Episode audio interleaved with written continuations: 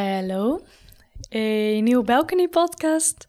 A little bit different than usual this time because I sat down now with two people instead of one to spice it up a little bit. I had a conversation with Chris Becher and Gerlof van Engelenhoven. And I, yeah, I wanted to try out this podcast with uh, with the three of us because I was writing an uh, essay last year on polarization. Um, besides the photography and kind of the very yeah the photographic part, we we do a lot of writing as well. I noticed around me like this this word polarization. It's very present. I hear a lot like, oh, the, the society is polarizing. I hear also that photography has has caused polarization and all these big uh, statements. While writing the essay, uh, Gerlof was the theory teacher and recommended me to look at the work from Chris, who is uh, both a great writer and a photographer, and got to know them and thought, yeah, with the three of us, it will be great to have a conversation on on what polarization means. Chris and Gerlof will uh, introduce themselves, so you also uh, hear which voice belongs to who. And uh, I want to thank you for for listening, and thank you, Gerlof and Chris, for having this uh, conversation together.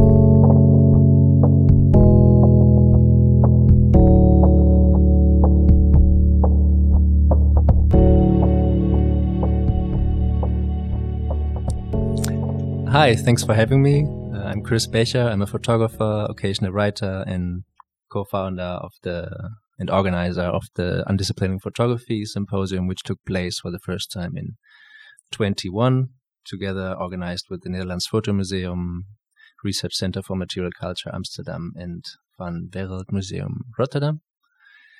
Um, yeah, I'm very excited to be here, and my work usually evolves around portraiture, and uh, deals a lot with the like the notion of uh, representation and uh, how we can portray or represent certain individuals and communities in a more just way, in a more complex way, um, in response to often, yeah, monolithic stories which we hear in the media, for example. So I do work in a long term format, usually with individuals and communities, in order to complexify identity and uh, focus on the strength and beauty of everyone's uh, identity.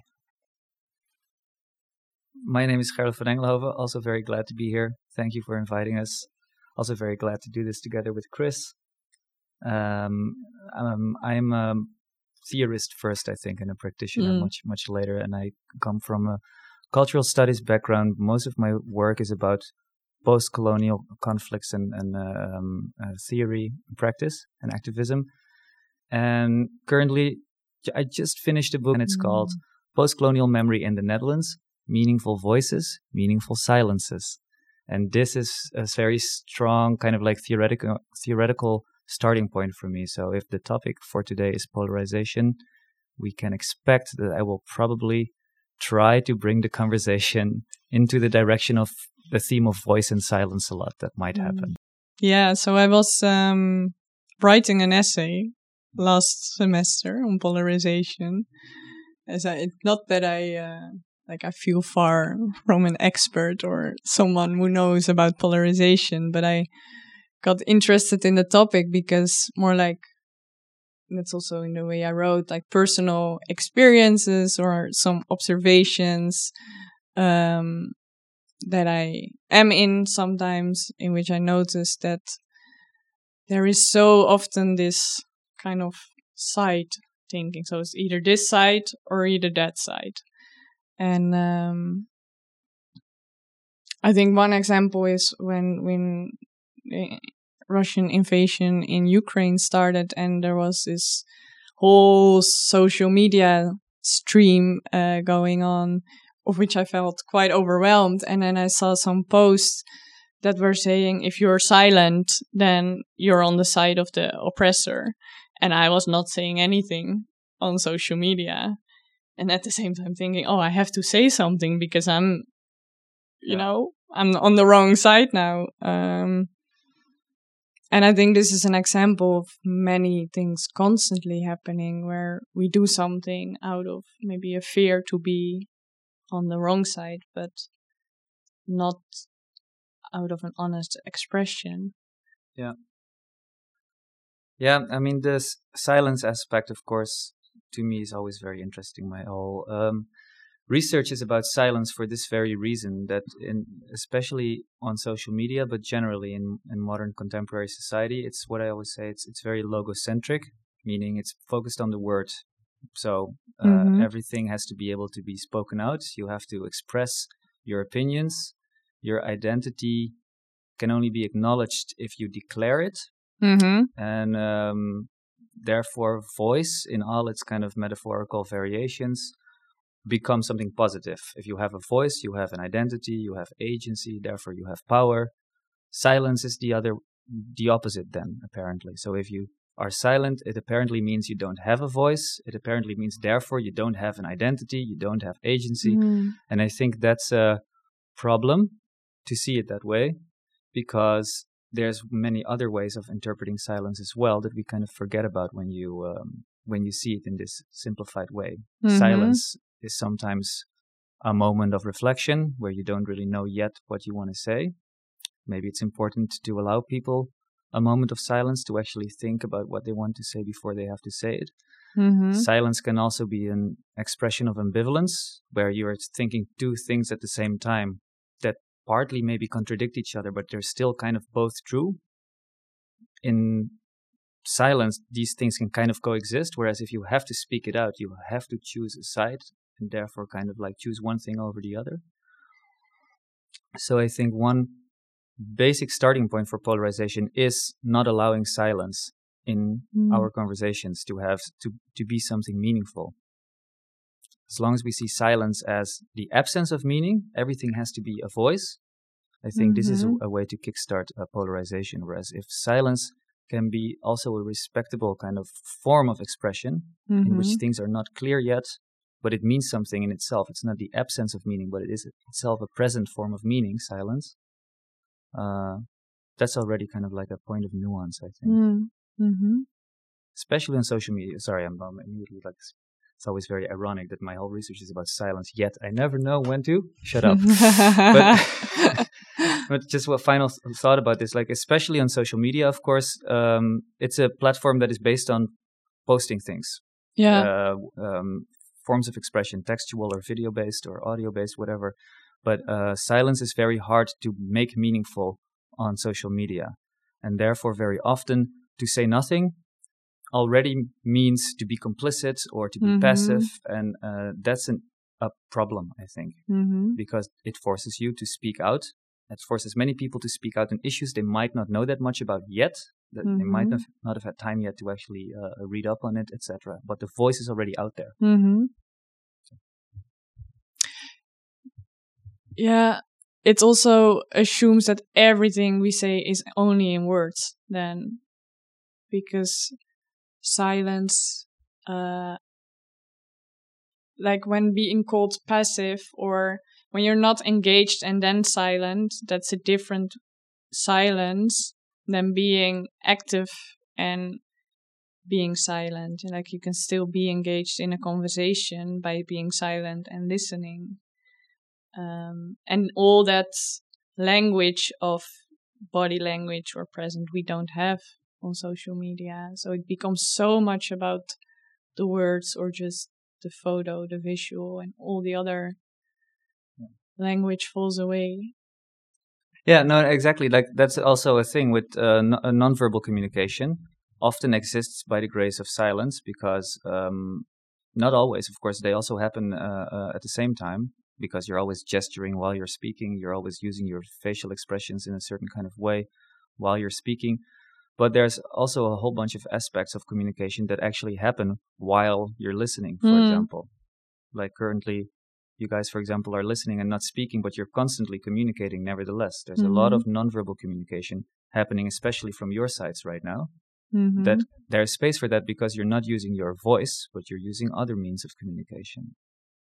Generally, this is really hard to translate to social media, but it's not the full problem even. The, the problem is bigger than just that social media is not the right platform maybe to communicate non-verbally. It's a larger issue to me that is the fact that society at large focuses on voice. Mm. Um, so it's not enough to not when someone is saying something that you agree with, you have to state it. You have to say, I agree. I am an Mm. ally and I kind of like support this or that movement. You have to Mhm. go on the record with these thoughts. Not everyone has to do it, but especially if you have a public persona, for example, not speaking out when a certain historical event is taking place can really be used against you Mhm. in a way that I think is uh, problematic because it rushes people into speaking out about issues that maybe need more time to reflect upon first. Mhm. And, and why is this rush becoming more and more? Why is this happening, and why are we embracing silence less? I have the feeling that the, the whole conversation about silence particularly came up after the murder of George Floyd, Mm. in which there was the question, okay, white, particularly white people have to raise their voices as well because being Mm. silent means you you agree with the current status quo um, of black people being murdered on the streets in broad daylight, for example. And um, for me, this was one of the moments where silence really became. I mean, the, the discussions about silence were omnipresent, Mm-hmm. and I think it's a very important uh, debate, to be honest. But yeah, it is it is difficult to see it either or Mm-hmm. to say if you say something you're going to be with us or against us or if you don't say anything you are on the side of the oppressor because um, what i to come back to this social media um, com- uh, topic what i often sense is that people feel they shouldn't be silent and therefore they become loud let's say they raise their voices and often take maybe a lot of attention that was supposed to mm, or maybe space that was for people who were in urge for this space and they take this attention away even though they Mhm. don't they're not uh, directly um, involved in the topic let's say Mhm. so I often feel like that non-silence, so to say, can also take a lot of attention away from those whom we actually should listen to. Yeah. And um, so I think it's a very tricky thing to say if you're silent, you are complicit with the evil, Yeah. or the other way around. It's, um, I guess, always very depending on the context. Mm-hmm.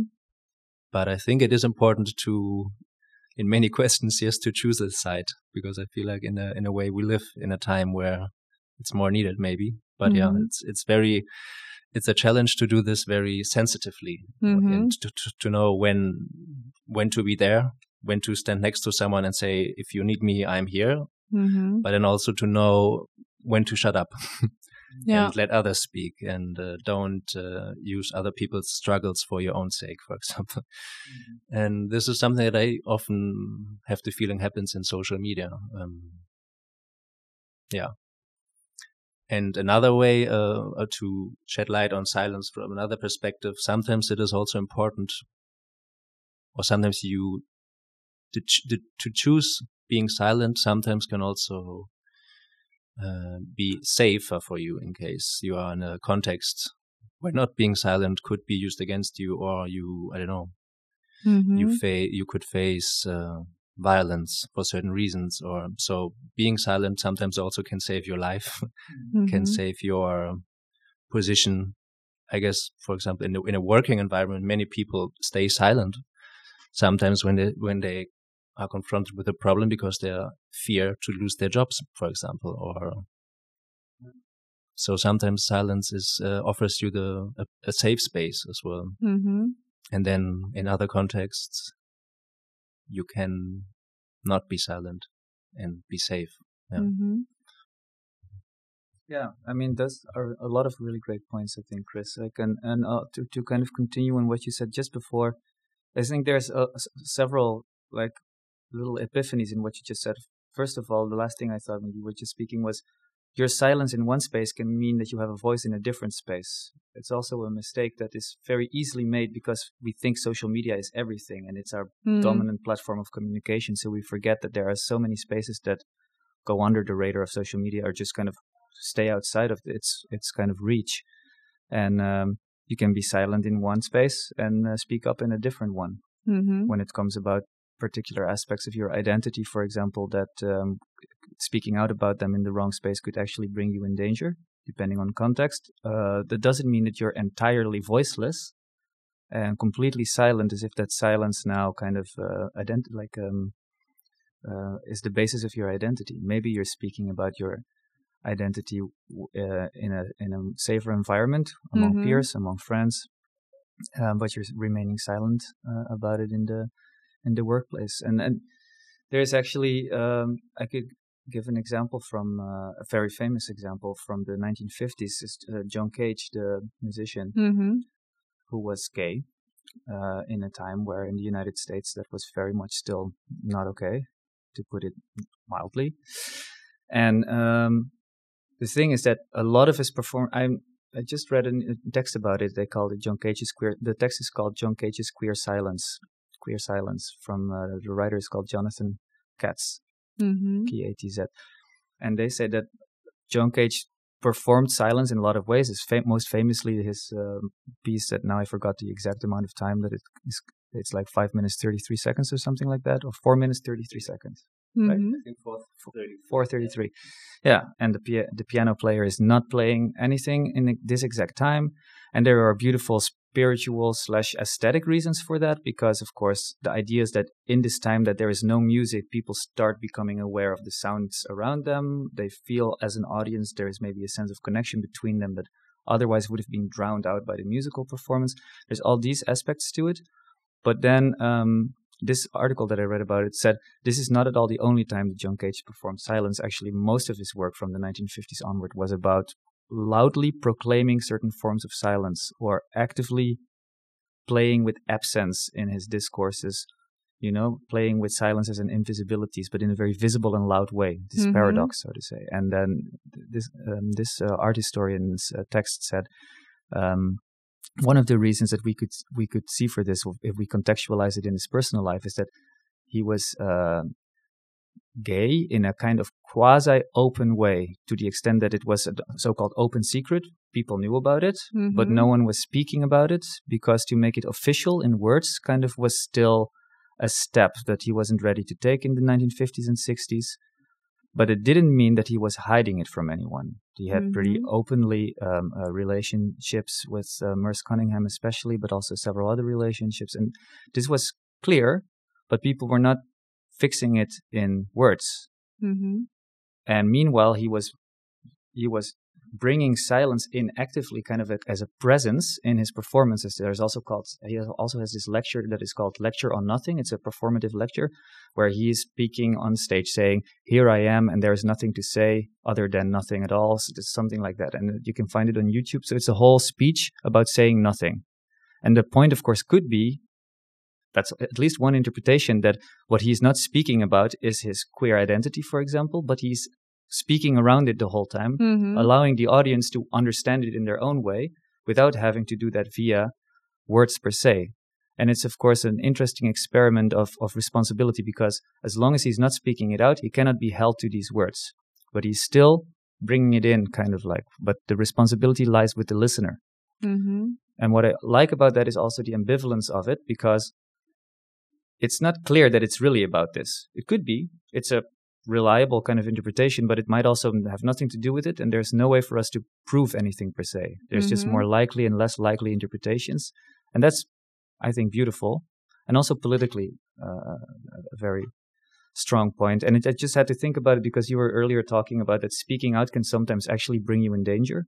And that's, of course, true. There's lots of also um, uh, political theory about the coming out of the closet uh, trope works really well in a society where speaking out is kind of the, the, the moment of emancipation, but it assumes a community of people that are willing to listen to a, a voice like that. Whereas mm-hmm. in particular other political, cultural, legal, religious contexts, the moment of speaking out might actually be uh, the moment in which you give away your your agency to authorities that uh, might actually do violence upon you, and then to act as if the moment of speaking your identity is kind of like the moment of liberation puts all responsibility at the marginalized subjects as mm-hmm. if they have to solve that for themselves by speaking out whereas we could also put more responsibility to the listening party mm-hmm. saying that society needs to particular societies for example need to develop certain forms of listening before certain voices that are really vulnerable expose themselves to potential violence yeah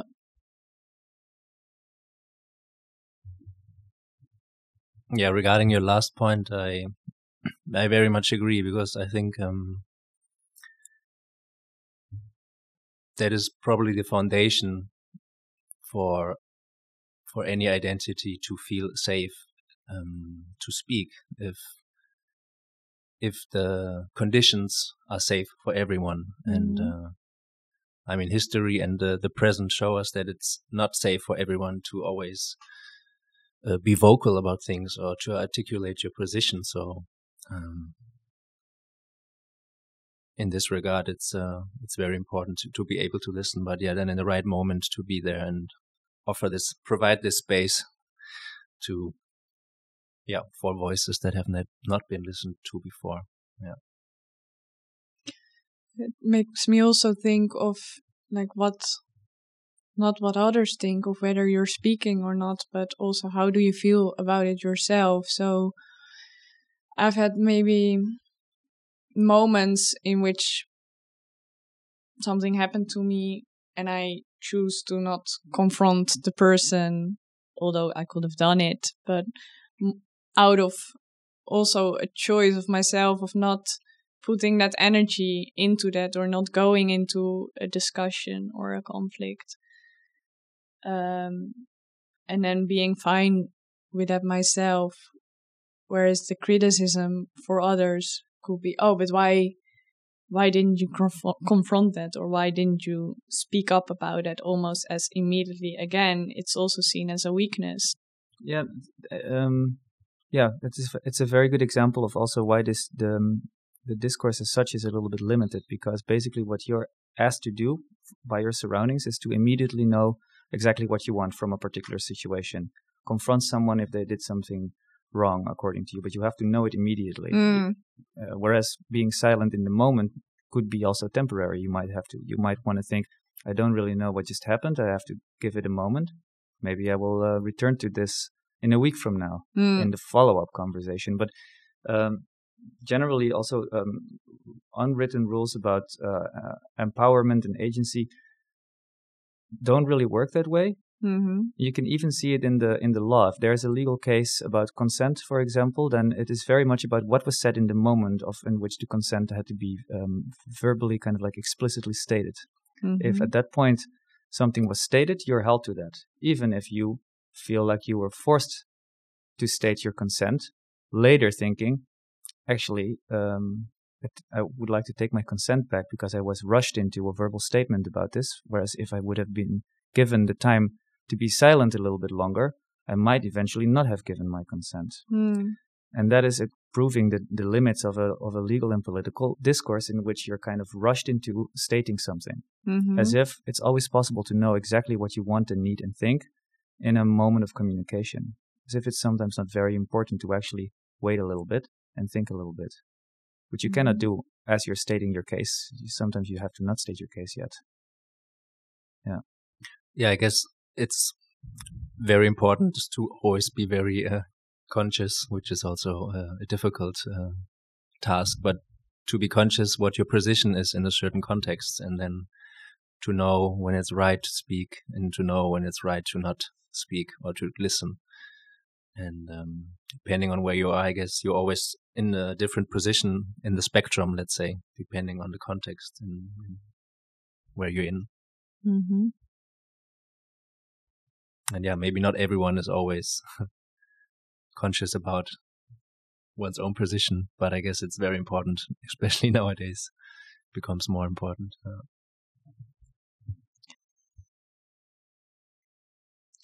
Do you like? I wonder because I notice myself. I'm comparing things all the time, and I'm generalizing things all the time. Um, like now, I went to, an internship to Spain, and I come back. I'm telling to everyone like Spanish people are like this, and Dutch people are like this. And then I think, oh yeah, yeah, yeah, but there's of course way more nuance to that. Um, it's impossible to in language to to take all those nuances. So generalizing or uh, uh, yeah, seeing one side versus the other or comparing is also a very naturally thing we are constantly doing. Mm. I think in order to make sense of things. Um, so how to do that with while being nuanced and while being considerate because we cannot stop comparing yeah tendency to create stereotypes of course we all i also remember living in germany and then suddenly missing the, the netherlands very much essentializing it saying oh the netherlands has this and that that is so mm. much better than but now that i'm actually back in the netherlands i'm like oh no it was actually so much nicer in germany but both are reductions of reality mm-hmm. and if i would really talk tell people about how it really was in Germany, it would take a super long time and it would become super boring for a person to listen to than to create a full yeah. comparative analysis between two nations. And the, the, the conclusion would probably be disappointing. Like, yeah, there are similarities and differences and they don't really matter. yeah. So, do we need stereotypes? Can we have nice conversations beyond stereotypes? I do think we we can uh, have great conversations beyond stereotypes. Uh, I often wonder if these uh, stereotypes are maybe a very dominant form of a certain region that kind of um, emerge over the surface, and this is kind of what you think how they are, or and then often there's a a we and them created, and then it uh, uh, and the snowball gets bigger and bigger, and it's usually the entry point to say, okay, and this and this is that and they and them and uh, uh, do this and we don't do this. And to yeah to create these kind of differences. Maybe in order also to shape one's own identity or to know who who oneself mm. is. Um, whereas i think it's a way more interesting to kind of dig a bit deeper and try to uh, find comparisons or to similarities as well. Um, I think it's it's great to to acknowledge that people have different ways of doing as long as they respect one uh, other people's uh, freedom and identity, of course. Mm-hmm. So there's also people or uh, attitudes that shouldn't be too much respected in this regard we speak of racisms and sexisms, and um, the list is unfortunately very long.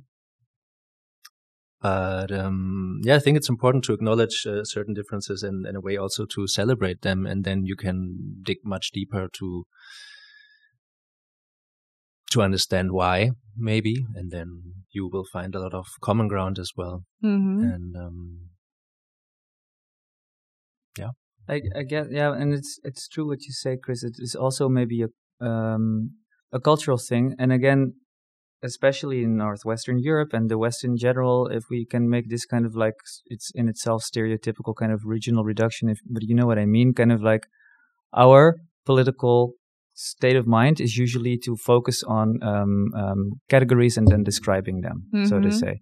So that is then also an issue if we because even if we make small talk and say how was it in Spain? Yeah, it was very warm like we kind of know that uh, there's more to it than that probably but there's no way that you can just explain your full experience right now just because somebody asks you and it actually wouldn't be expected of you yeah then if someone asks you um, I mean, it happens all the time. When I came back from Germany to the Netherlands t- to apply for my teaching job that I currently have in Amsterdam, they asked they asked me during the job interview, "So, what's the difference between the German teaching system and the Dutch teaching system?" Mm. And if I would have at that point said, "Ah, that's way too complex to explain. There are so many differences and similarities. It would be a whole matrix of kind of like trying to, to sketch this to you right now. It's an irrational question.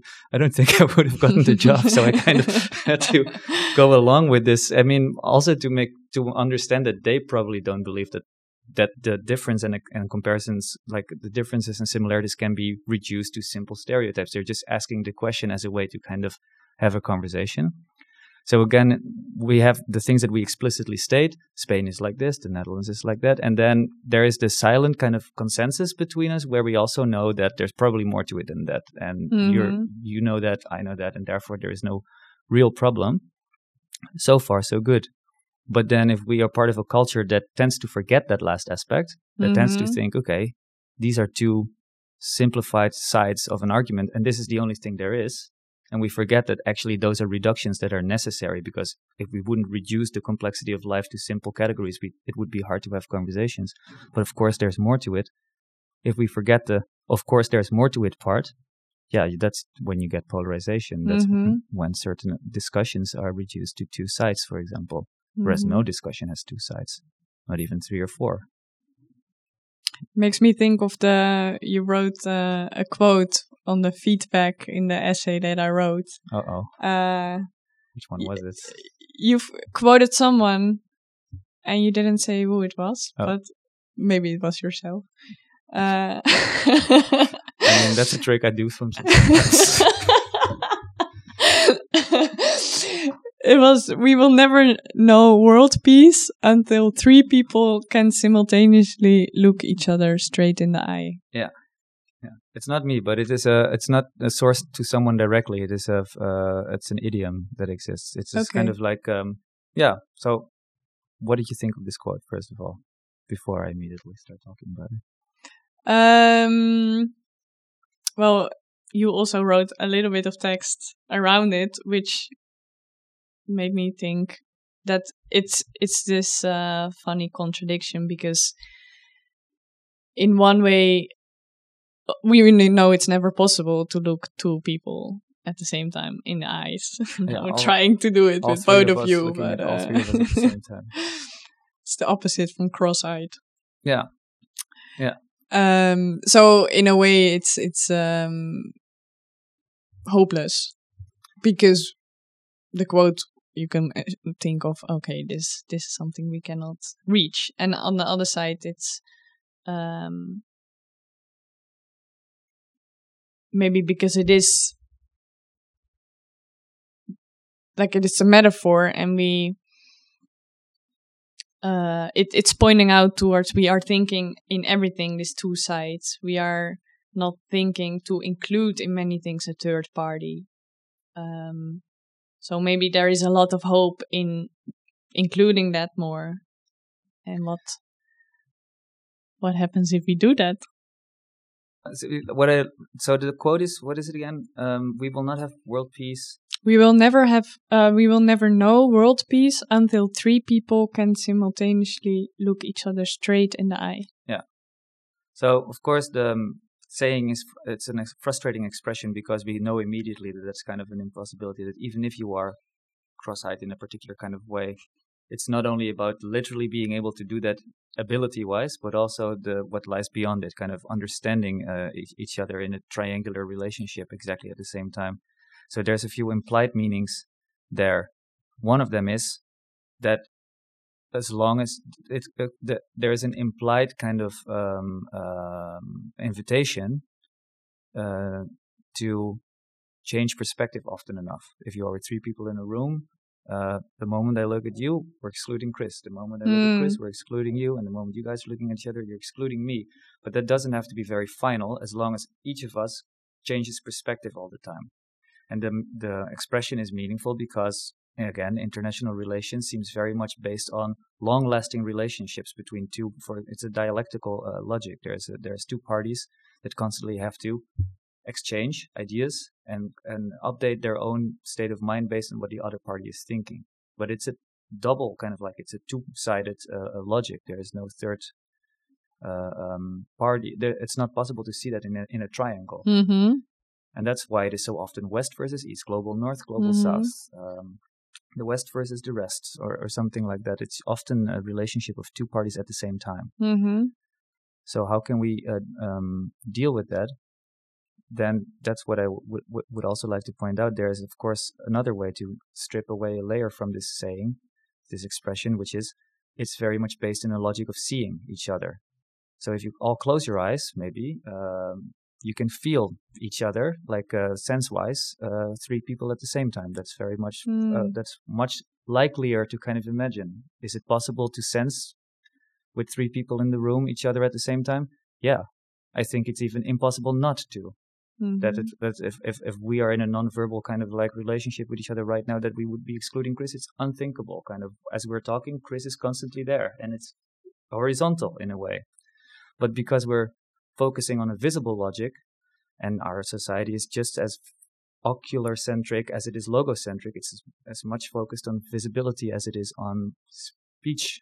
You know, Mm-hmm. we forget that there are forms of communication beyond seeing and speaking that we are accidentally um, dismissing as we're doing that. So maybe we can't see each other in the same uh, in a triangular relationship straight into the eye, but we can still feel each other. So maybe there is still world world peace if we go beyond the limits of seeing and speaking. Mm-hmm. I mean, it is very easy to read this in a very deterministic way and say it's impossible. Therefore, but you could also say it uh, invites us to keep engaging with different parties and not just uh, rest in the comfortable position of being with uh, one and then saying, okay, the rest is less important or I don't have to change my position anymore. So maybe the interesting thing about the triangle is that you have to constantly move, switch, and change your view and your angle and uh, try to understand, maybe to make this this saying a possibility in the future, an alternative uh, than thinking it's not going to happen, it's impossible. Mm-hmm. So I think we, I, I personally read it in the way that you have to maybe think the unthinkable to kind of trigger your imagination in order to come at least close to the possibility that this um, quote might be, or this idiom, no? idiom might be a, a reality at some point. Because Mhm. uh, if we're gonna say, well, then that's it, we are lost, I think, and uh, with us, everyone else as well. Mm.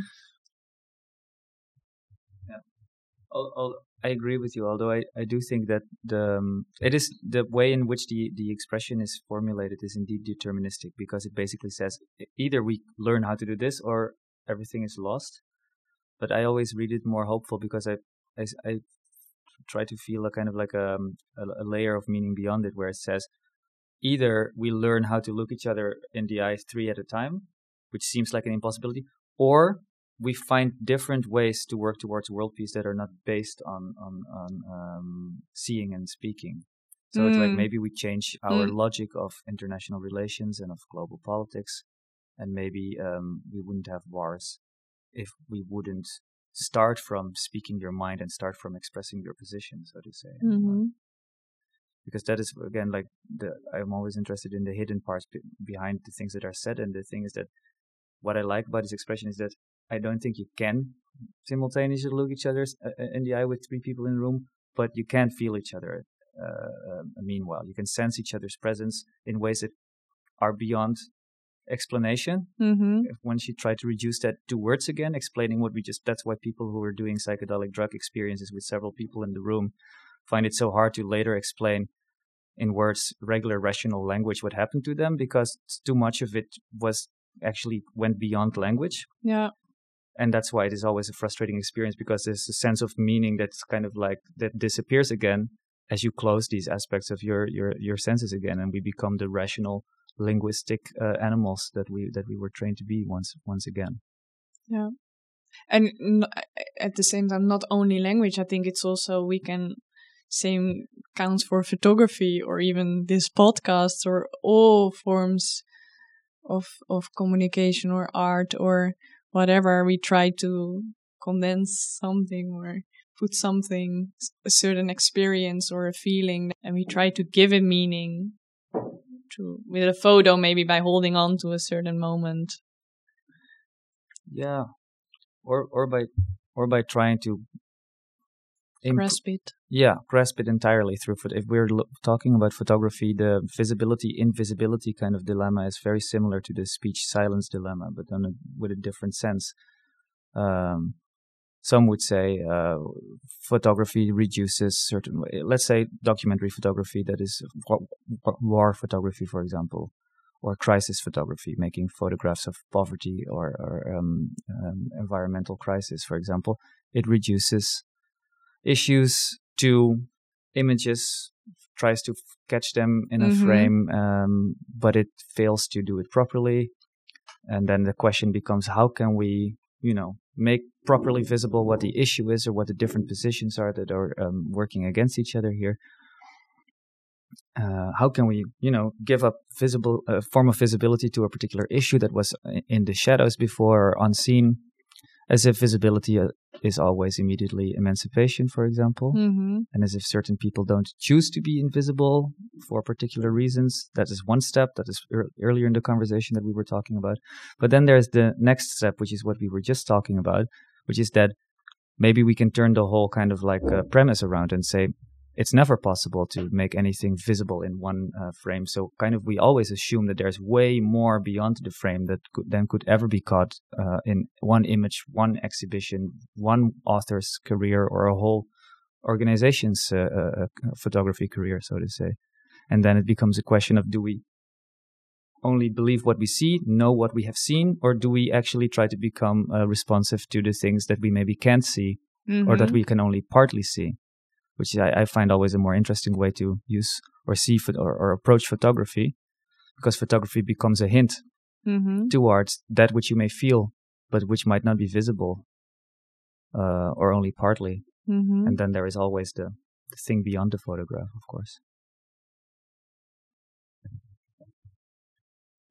I, I, I mean, it is certainly true that photography has op- often been used to subjugate uh, individuals and communities and people. But it it's it's true. Um, well, this is a big statement. I mean, but but it is also a very dominant discourse of uh, many writers from the 80s who had a very pessimistic stance on photography, be it like Susan Sontag or uh, um, Roland Barthes or you call it, um, which uh, have their, I mean, they have their important position in the discussion about it. But for example, there has been a man named Frederick Douglass who, uh, in the 19th century, used photography for a very different, um, for very different means.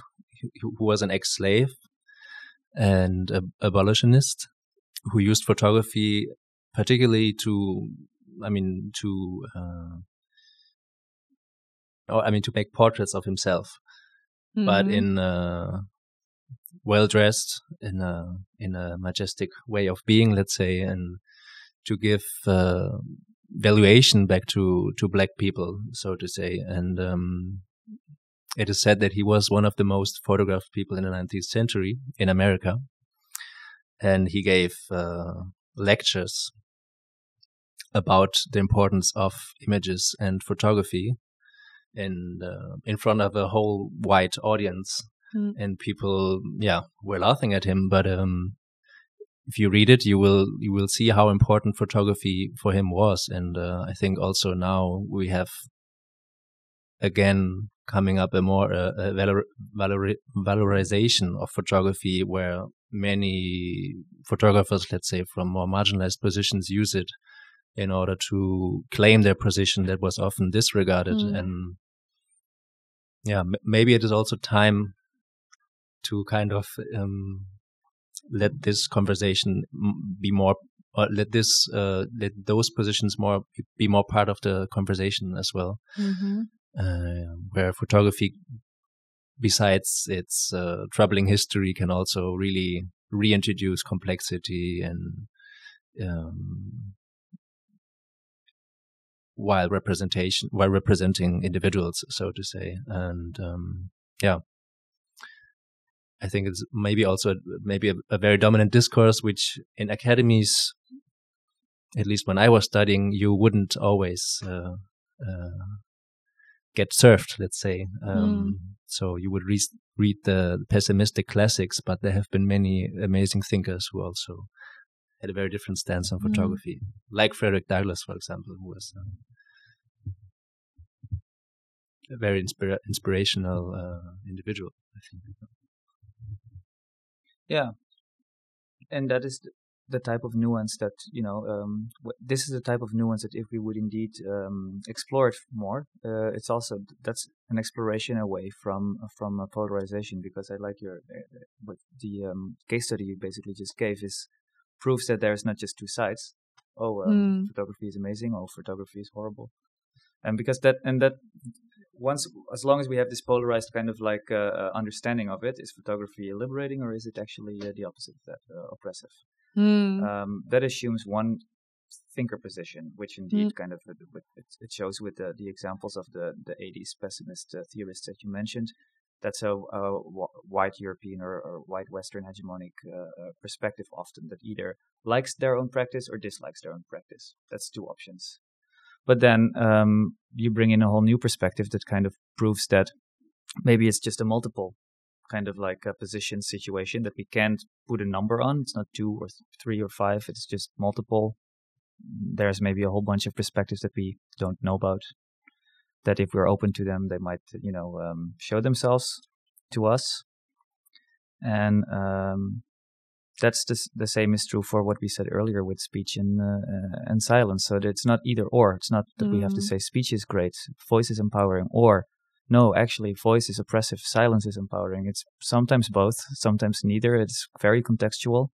Sometimes one person's silence enables the other person's voice. Sometimes certain voices are more welcome than others in a particular conversation, and you can't really turn it into a formula, I think. Yet that's exactly what we do. We turn it into formulas. Yeah. Yeah. I mean, to to just to come back to this, uh, what we just talked about about the uh, pessimistic way of um, seeing photography. I mean, they had obvious re reasons to be pessimistic about photographers who would just uh, jump into war zones and then run away again because there was, mm. or for example, it is of, often very simplistic and monolithic uh, stories. Let's say so they don't acknowledge the complexity and maybe what is happening or what we are seeing now. it has always happening, I think, but I think now is the time where they finally uh, are more acknowledged. Is that many photographers also work from a very personal um, realm, let's say, and um, work with their own experiences and um, these kind of positions obviously come from very, very from a very different personal point, and yeah. So I, I think it is in, in this whole polarization uh, topic. I think it is important to always consider the bridges that mm. can be uh, crossed between mm-hmm. the poles. I mean, I, I, do think it's important to disagree, but uh, at the same time, um, in a productive way, let's say. Mm-hmm. Not sm- smashing uh, one another's heads, but to have a productive disagreement in order to find a common way or and sometimes it is okay to not be on the same page but uh, it must happen in a way that everyone has the right to to to to freedom to speak up when he or she or they want to and that the safe space is given for everyone. And yeah, I think mm. bridges are important, and I think this is uh, something we should always aim for. Yeah.